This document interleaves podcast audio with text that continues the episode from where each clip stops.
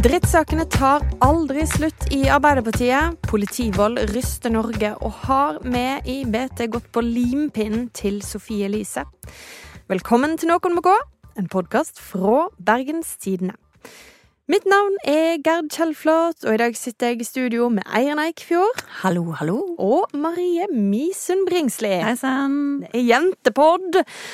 I Noen må gå, som jo er en podkast du vanligvis eh, finner på Podme og i BT-appen, men i dag så hører du kanskje på Spotify eller noe annet, for i dag er en av våre månedlige gratisepisoder. Så vi kan jo bare anbefale da, at hvis dere liker det dere hører og har lyst til å høre mer, så er det altså muligheter for det. det ved å oppsøke oss i de nevnte andre kanalene. Eh, det er jo selvsagt sånn at vi skal snart, som alle andre i Medie-Norge, kaste oss ut i det gjørmebadet som vi kaller for Arbeiderpartiet. Men aller først så um, er det sånn at flere av dere har etterlyst og savna vår venn Morten Myksvold her i denne podkasten. Det har vi òg. Men det er sånn, han kommer ikke til å være med i noe han må gå framover, rett og slett. Nei, og det handler om at samboeren til Morten stilte til valg på listen til Venstre her i Bergen til høsten. Og derfor så la vi noen begrensninger på hvilke saker Morten kan dekke i valgkampen. I ettertid så har hun trukket seg fra listen, men vi mener likevel at det er mest ryddig at han ikke dekker Venstre sine kampsaker fram mot valget. Og det gjør det jo litt komplisert å være med i en podkast som bare, eller i hvert fall veldig mye, snakker om bergenspolitikk. Det gjør det. Og så da er det sånn at uh, enn så lenge så har vi kvotert inn en annen stril, får vi si. Det stemmer. ja. Men altså, jeg er på en måte litt sånn fordekt stril. Jeg prøver å dekke over det med dialekten min. Ja, for jeg tenker at du er liksom bergensalibiet ja, vårt, Marie. Nesten. Men jeg, jeg, jeg, jeg innser jeg kommer aldri til å bli bergenser. Jeg er fra Askøy, sant. Ja. Bergenser, da må du ha sånn oldeforeldre på begge sider, eller et eller annet. sant? Ikke det, det. det er det som er ja. definisjonen. Du er en stril in disguise. Yes. 100 Ja. ja men det er flott. Eh, du kan egentlig få lov til å, å starte dette balldura-strilen. Vi ja. skal snakke om Arbeiderpartiet. Ja, selvfølgelig skal vi snakke om Arbeiderpartiet. Det har jo blitt en sånn slags eh, føljetong her i Noe må gå, at vi snakker om drama i, i det som eh, mest sannsynlig skal bli den nye Ap-ledelsen, da, kan vi vel si. Eh, og det som eh, virkelig har skapt overskrifter eh, de siste dagene, det er jo en meget spesiell telefonsamtale mellom Jonas Gahr Støre og Helga Pedersen.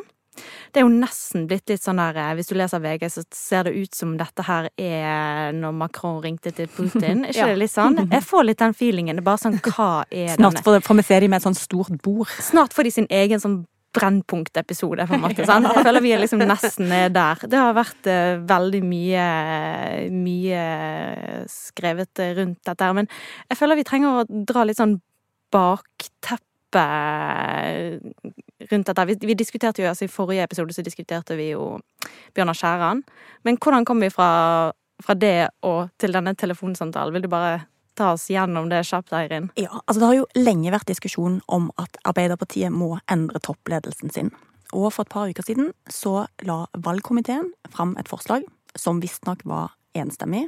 Eh, ikke helt enstemmig likevel, viste det, det seg. Sånn Ap-versjonen av enstemmig? Ap-versjonen av enstemmig. Det de ville gjøre da, var å bytte ut begge nestlederne, og at Kjersti Stenseng, den mektige partisekretæren, fortsetter som partisekretær.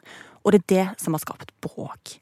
Fordi Helga Pedersen fra Nord-Norge, hun eh, å, eh, la, altså, åpna for å stille, eh, men hun var jo da ikke valgt av eh, valgkomiteen. Og i ettertid så har hun åpna for å gå på landsmøte i en åpen kampvotering.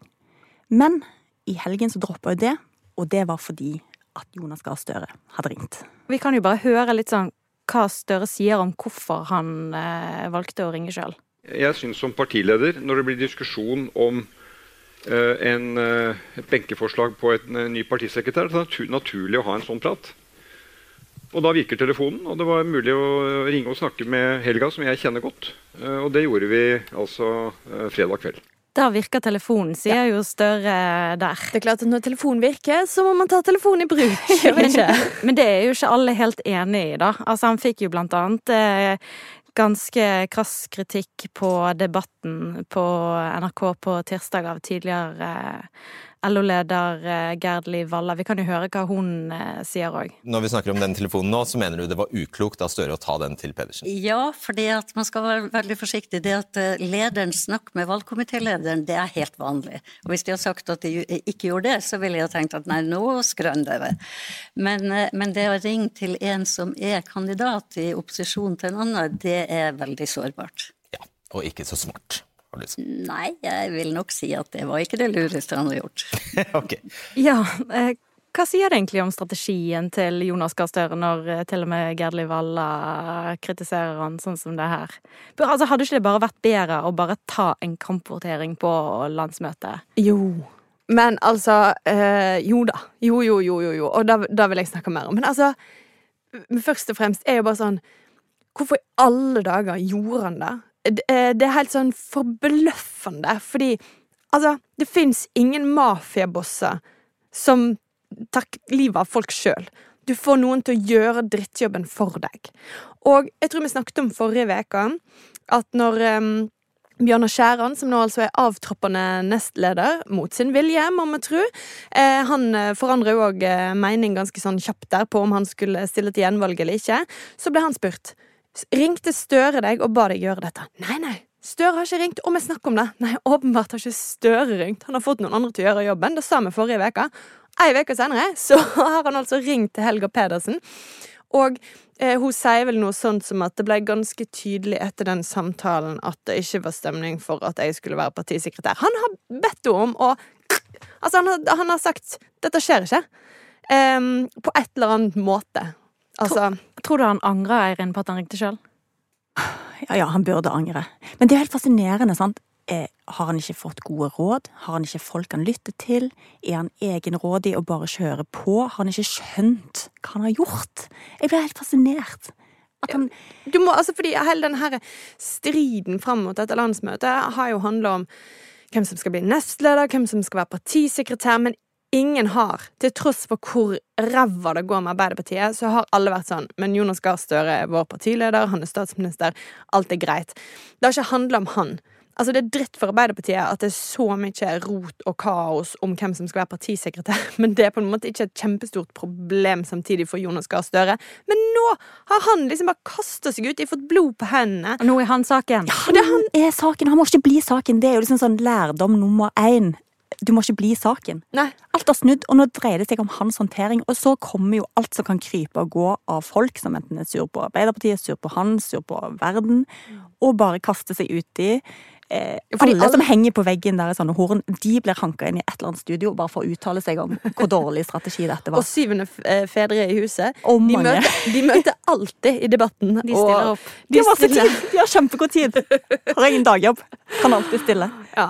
Og liksom, Hva betyr dette her for tilliten til, eh, til uh, Jonas Gahr Støre, egentlig? Altså, Helga Pedersen klarte jo ikke helt å på en måte svare på det i Politisk kvarter. Vi kan jo høre hva hun uh, sa. Til slutt, Helga Pedersen. Synes du Jonas Gahr Støre bør lede Arbeiderpartiet videre? Nei, det er det virkelig ikke opp til meg å, å avgjøre. Det, eh, det, er, har, det, er, ikke en eh, diskusjon eh, nå, og det er nå uansett ikke noe som tilligger meg å, å ha meninger om. Altså, det er helt oppsiktsvekkende. Du kan ikke svare sånn hvis Altså, med mindre du da ikke har tillit, som hun jo åpenbart ikke har. Og, rote seg opp i det der, er det dårlig nytt. Ja, men er det rot? For hun vet jo veldig godt hva hun gjør. Altså, Hun er jo en tryggdreven spiller, tross alt i dette systemet, og har vært i Arbeiderpartiet i årevis. Hun vet jo at sier hun det, så blir det tolka. Ja, jo jo. Og hun har jo på en måte bare eh, brent brua. For det var jo altså, det var jo Det var ikke noe håp. Det kommer aldri til å bli de to. Det var det han har gitt uttrykk for i denne samtalen. Ja, hun har ingenting å tape nei, på å bare dolke litt mer i nei, ryggen. Nei, Men litt sånn der, hvis jeg, hvis jeg kan prøve å se litt alternativt på det her, da har ikke Støre egentlig bare prøvd å være en ryddig fyr? Hvordan da? Ved å ta telefonen selv? Altså jeg kan jo se det, for det, fra et sånt menneskelig aspekt, bare sett vekk fra alle maktstrukturer og hvordan alt blir tolka, så er det jo på en måte en sånn fin ting å ta de vanskelige samtalene sjøl. Det er jo litt sånn at slå opp sjøl istedenfor ja, å liksom få noen andre til å slå opp. Ikke send en melding. Ja.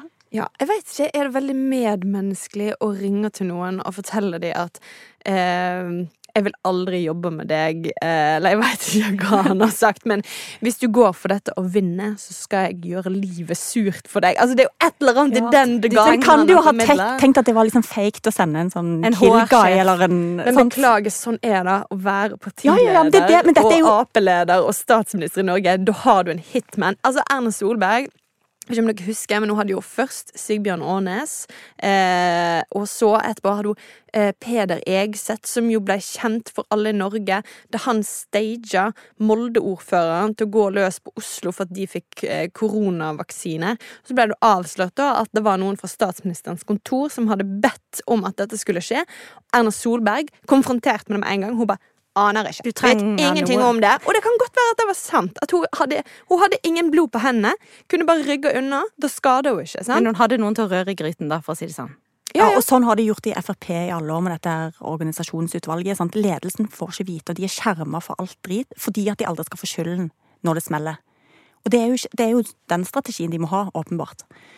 Men, men hva konsekvenser får egentlig dette for landsmøtet som skal være i helgen, da, der du eh, skal, Eirin? Ja, Det har jo ikke vært skrevet om annet enn denne telefonsamtalen, så ingen. For det, det som er litt påfallende, er jo at Støre liksom konkluderte i en av disse sakene med sånn Ja, eh, men nå er det jo kjempefint at vi kan begynne å fokusere på ekte politikk. Altså bare ingen fokuserer jo på ekte politikk etter Nei, det dette. er jo knapt noe skrevet om det her. Og de har jo listevis med forslag og greier som har kommet inn, men det blir jo ikke snakket om. Og de har jo ikke noen sånne store saker som skal løse Det er ikke de store konfliktsakene annet enn denne ledelsen. Nei, Men det blir jo veldig spennende å se, da. Og vi skal jo lage en spesialepisode på eh, mandag med alle juicy news fra landsmøtet til Arbeiderpartiet, som kommer eh, som vanlig på mandag. Mm. Eh, så den er det bare til å glede seg til, og det blir noe mer drama gjennom helgen. Det må vi nesten bare forvente når det er Altså, snakk om Arbeiderpartiet. forventer jeg. Jeg reiser på landsmøte med høye forventninger og masse popkorn. Altså, vi skal fra et uh, kaos til et annet. Vi skal til politiet, rett og slett. Uh, og politivold er egentlig mer uh, spesifikt. Det er jo egentlig et begrep vi vanligvis forbinder med USA, men den siste uka har en politivoldssak òg rysta Norge. En politimann i Kongsberg er tiltalt for vold og brudd på tjenesteplikt etter å ha gjentatte ganger slått en eh, 26 år gammel mann. Kevin Simensen heter han, og han har sjøl fortalt om denne hendelsen eh, her på Dagsnytt 18. Når du ser på videoen, så gikk jeg, og jeg gikk jo ut av situasjonen med hendene i lomma bakover. liksom. Og så kommer han på en måte mot meg som om han skal prate med meg. Men når han kommer nærme nok, da, så slenger han meg på en måte i bakken i stedet. Og hva skjedde da du, da du lå der? Hva skjedde da? Um, jeg ble slått eh, det tror jeg telt sånn 16 16 slag cirka, med, med knytta neve mot hodet. Og så i mellomtida der så var det en kompis av meg som dro han politimannen vekk. da. For han så hva som foregikk. Han, han begynte å filme også. Men videoen ble sletta seinere av politiet. Um, og så ble han først revet vekk, og så kom han oppå meg igjen og fortsatte å slå. Og så dro han ut batongen og, og begynte å slå med den òg. Denne hendelsen som Simensen forteller om, er dokumentert av et overvåkningskamera, og viser jo da at eh, politimannen går løs på 26-åringen, mens kollegaer av han står rundt og lar det skje. Og en av disse kollegene er jo da under etterforskning òg for å ha slette bevis. Vi hørte her at han skal ha gått inn på mobiltelefonen til en kamerat av Simensen og sletta en video av hendelsen. Har dere sett denne videoen? Ja, det er ganske drøye ting, altså. Er det det? Ja. Ja. Helt forferdelig. Eh, Virkelig. Og, og spørsmålet er på en måte Hvordan kan det skje i Norge? sant? Eh, Det er ikke sånn her vi eh, liker å tenke at vi har det, men eh, vi har jo et, eh, et politi med et voldsmonopol her også. Ja, altså, Det er jo et land som historisk har hatt høy tillit til politiet, som er en bra ting. Mm. Sant? Vi stoler på at de forvalter voldsmonopolet sitt på en klok og god måte. Og Derfor så har vi ikke disse amerikanske tilstandene der man liksom krever at eh, en skal ha kamera på seg for å dokumentere vold osv., for dette har ikke vært et veldig stort problem. Men så er det jo selvfølgelig det at det er jo råtne egg i alle kurver. Og er, av, det er jo kjempeviktig å få avdekke at disse tingene skjer. Og så har en jo òg en følelse av at politiet sjøl dekker over fra hverandre denne her veldig sterke korpsånden som de er kjent for. Og i denne saken er det jo noe, noe Det groveste er jo at en prøver å slette bevis. Og fabrikkere rapporter for å få ting til å se annerledes ut enn det var i virkeligheten. Mm. Og så blir det avslørt. Mm. For det var jo egentlig sånn i, i denne her saken at det var disse mennene som var sikta for vold mot politiet i utgangspunktet. Før denne overvåkningsvideoen eh, kom på bordet og viser at situasjonen er helt motsatt. Ja. Eh, men ok, hvis vi skal komme de litt i møte, disse politi... Altså, politiet på et eller annet vis. Du, du skal holde orden, og eh, de må handle raskt i uoversiktlige situasjoner. Er det liksom noe å forstå? Altså, ikke i denne saken her, for det er, det er virkelig helt drøyt når man ser den videoen. Mengden av eh, slag eh, og så videre. Men altså, det kan sikkert være vanskelig å vurder gjøre vurderinger hele veien, da. Mm. Det er jo litt sånn her eh, hvor, hvor, vant er vi egentlig til å se hvor brutale pågripelsene til politiet er? Altså, det blir jo veldig sånn visuelt når man får se denne overvåkningsvideoen, og det er liksom skummelt. Det ser sånn skummelt ut. Det er seint på natten på denne bensinstasjonen, og, og det, altså, fra den vinkel som vi får se på overvåkningskamera, så ser det jo ut som om politimannen slår han relativt uprovosert.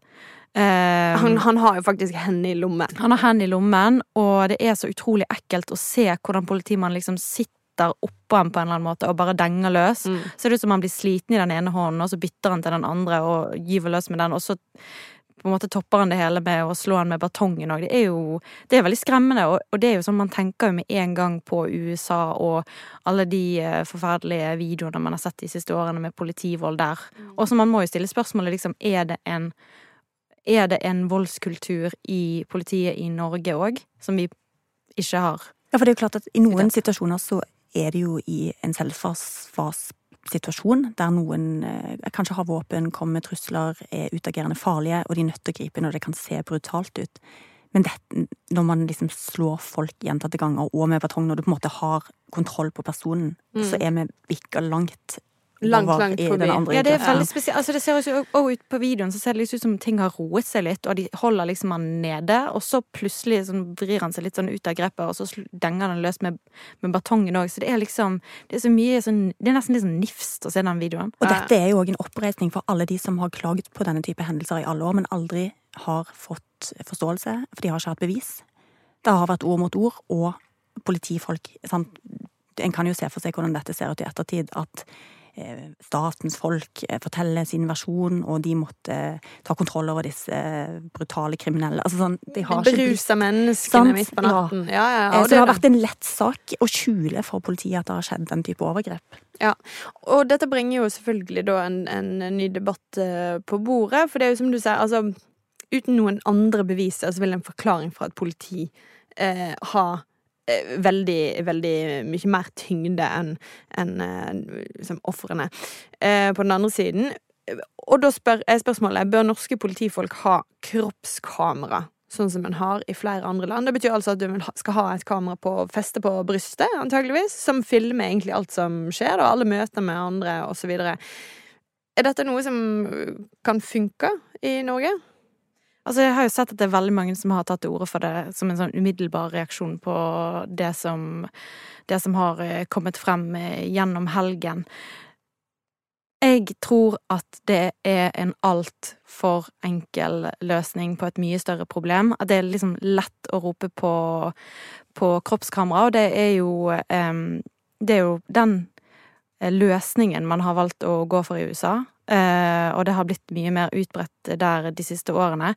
Men det er ikke så enkelt som at man eh, bare kan feste et kamera, og så forsvinner dette problemet. Det er på en måte en litt sånn avledning, da. Først må man jo finne ut om dette faktisk er et reelt problem, istedenfor å bare gå rett til kamera og skal filme alle alle interaksjoner med andre. Så spørsmålet er litt sånn hvem er kameraet der? Altså hvem skal kameraet beskytte? Skal det beskytte politiet, eller skal det beskytte de som har kontakt med politiet? Og så er, så er det masse spørsmål knyttet til forvaltning av denne videoen som skal filmes. Altså hvem skal, hvem skal ha, ha, rettighetene til det? Eh, hvordan, hvordan, skal man få tak i videoen hvis man vil bruke det som bevis i en sak? Eh, I USA så har de jo hatt det i noen år. Eh, og det blir stadig mer brukt. Men forskningen Altså, det er litt sånn eh, Det har ikke vært så mye forskning på det ennå, men forskningen som har kommet til nå, den viser at man kan ikke si at, eh, at kameraene har gjort situasjonen bedre i USA. Iallfall. Eh, for eksempel så hadde eh, politibetjentene som eh, eh, drepte George Floyd, de hadde på seg aktiverte kroppskamera. Så i den situasjonen så hadde det på en måte ingenting å si. Så det er liksom en sånn Det er kanskje et litt lett kort å trekke, da. Jeg tenker at eh, jeg ville iallfall personlig synes det var mye skumlere å måtte forholde meg til at politiet skulle gå med kamera for å bevise at de ikke skulle være skumle. Jeg tenker at liksom det, man må Man må først diskutere liksom Er det er, er, er det et voldsproblem i politiet, og har de en tillitskrise?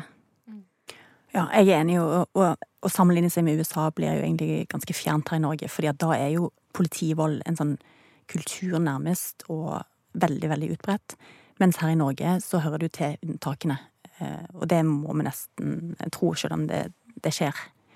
Eh, Selv om vi sitter her i politivoldbyen Bergen og har hatt en sånn kjempelang historikk med politivold, eh, som fortsatt blir diskutert. Og det er litt av, det er det jeg tenker er interessant med dokumentasjonen, da, fordi at For 40 år siden så var det avdekka masse politivold her i Bergen, i kjelleren på politihuset. Forskere snappa det opp, og de lagde en rapport som var sånn sikkert kan kritiseres som forskning, men det er ingen tvil om det skjedde vold i politiet. Men utbredelsen er, jo, er jo omtvista. Men den omkampen er ikke ferdig. Det kom nettopp ut en bok som handler om det, der en skulle ta forskerne og eh, Norges største, største forskningsskandale var liksom under tittelen på den. Så det en i hvert fall vinner med dokumentasjon, er jo i hvert fall å være enig om fakta. Mm. Men eh, jeg tror heller ikke Det kompliserer jo å ha kamera på alle politifolk. Vil jo både skape mistillit, men òg skape et vanvittig byråkrati, og hvem skal sørge for å lagre dette? Altså, det, skaper så mye nye problemer at jeg tror vi må bare gjenopprette tillit på en annen måte. Mm. Ja, ok, men, og der er du inne på noe, gjenopprette tillit, fordi um, Der er vi jo ganske langt unna per i dag, for her, denne saken her kommer jo bare på toppen av en del andre saker den siste tida som har stilt store spørsmål ved tilliten til politiet. Altså, vi har Rolleforståelsesutvalget, som handler om forholdet mellom eh, Norsk Narkotikapolitiforening, NNPF, og politiet. Vi har eh, historier om eh, eh, ransakinger. Alt, alt dette har, har eh, jo gjort at politiet og deres hva skal jeg si, rolleutøvelse har vært diskutert ganske lenge, egentlig.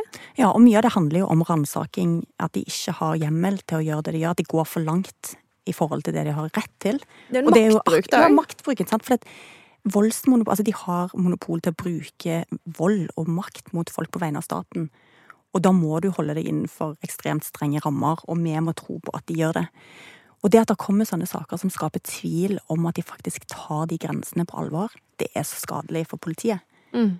Og det, og det at justisministeren ikke tar et skikkelig oppgjør med det, eksempel, at man ikke på øverste nivå klarer å si at dette her er absolutt, absolutt ikke greit, og nå må vi ta noen skikkelige grep, det òg er skadelig. Ja, og hun har vært ute, altså justisminister Emilie Enger Mehl, ute nå òg den siste uka, og etter at eh, denne her politivoldssaken kom, og ser bare at på generelt grunnlag er det viktig å ikke eh, drive med maktmisbruk.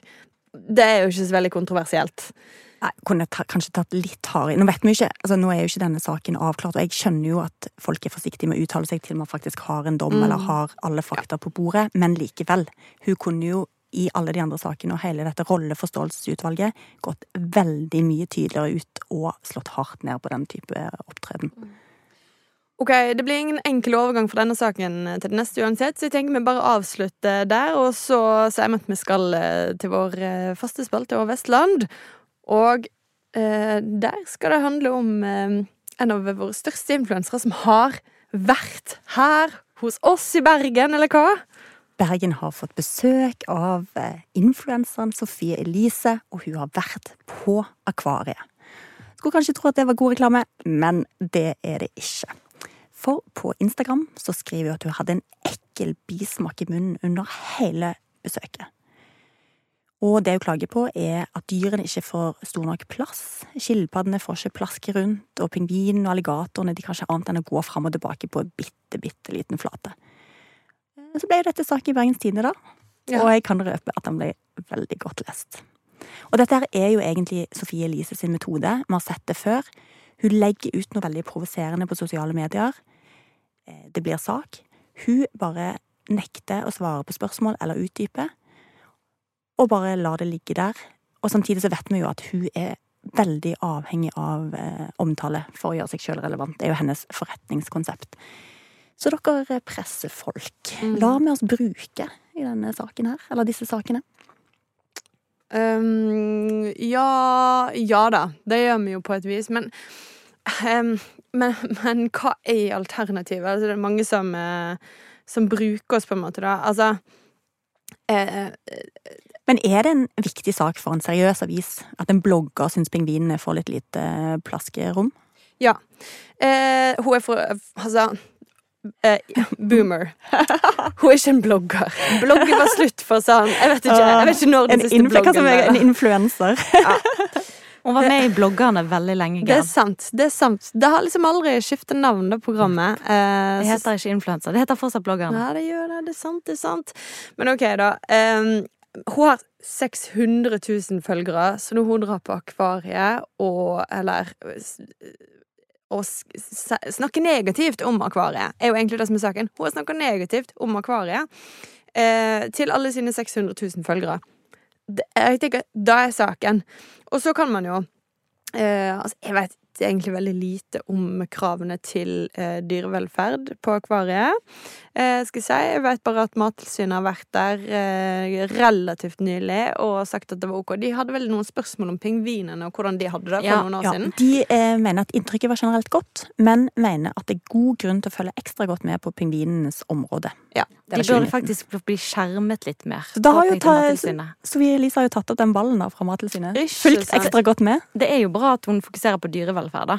Ja, ja, og, men, og uansett om Mattilsynet mener det er ok, og på en måte internasjonale organisasjoner godkjenner dette, så det er jo lov å mene at det likevel er galt å holde dyr i fangenskap osv. Det er litt rart å dra på akvariet hvis du er veldig imot dyr i fangenskap. Men jeg, her har jeg en teori. Ja. Og det er, altså Vi vet jo at Sofie Elise har vært i Bergen i helgen. Det vet vi helt sikkert, for jeg har sett masse dokumentasjon For på følger- Instagram. Følger på Insta. Yes, Og venninnene hennes følger jeg på Instagram. Em, så det vet jeg. Vet hvor de har spist, hvor de har sovet, alt dette her. Har de lagt ut. Men jeg har en teori, og det er at hun har ikke vært på akvariet. Jeg tenker hun har vært sittet på hotellrommet og googlet, eventuelt før hun kom hit, da. Things to do in Bergen. Og da har nummer én turistattraksjon Ja. kommet opp for de som ikke går på Fløyen. da. Så jeg ser ikke for meg at hun går på Fløyen, egentlig. Kan Kanskje ta banen, da. Ja, nei, Ja. men jeg ser ikke for meg det heller. Nei, de det? Så da har de eh, Og så har, de, har det kommet opp akvariet, og så har hun bare Æsj! Akvariet! Det er jo mot alle mine prinsipper. Så har hun da gjort dette grepet. Altså hun har jo, kan beskrive den der, hvordan hun har eh, laget denne kritikken. Hun har tatt en sånn svart bakgrunn der hun har skrevet på med hvit tekst og lagt ut som en story på Instagram. Der Hun hadde ingen bilder av skriver- at hun var på Nei, nettopp. Det fins ikke dokumentasjon. Og jeg tenker at i Sofie Elises verden så har ingenting skjedd. Med mindre det er dokumentert med bilde, video, live, et eller annet sånt. Så hvorfor skal vi tro på at hun har vært der? Altså, kritikken er Oi, for en lat Ja. influenser. Bare Ja, sitte der i hotellsengen sin og, og rapper noen bilder fra internett. Og prøver å skape litt sånn drama. Problemet hennes sant? det er jo det at det kan jo, det kan jo være en viktig sak, men hun har jo ingen legitimitet. Ok, ok, ok. Nå, jeg bare understreker at dette er en konspirasjonsteori som blir eh, Ok, det er greit, du kan kalle det det. Ja, men det, det er jo ikke, ikke noen beviser for at hun ikke har vært der. Men vi har ikke bevis for at hun har vært der heller. Nemlig. Og det er jo et problem, da, som du tar opp her litt tidligere, at altså, vi har ikke noen beviser på at hun eh, Hun svarer ikke når vi ringer. Hun, hun tar ikke Vi har prøvd å kontakte henne mange ganger for å få utdypa kritikken, osv. Tror ikke du det hadde rent inn med tips hvis folk hadde sett henne på akvariet?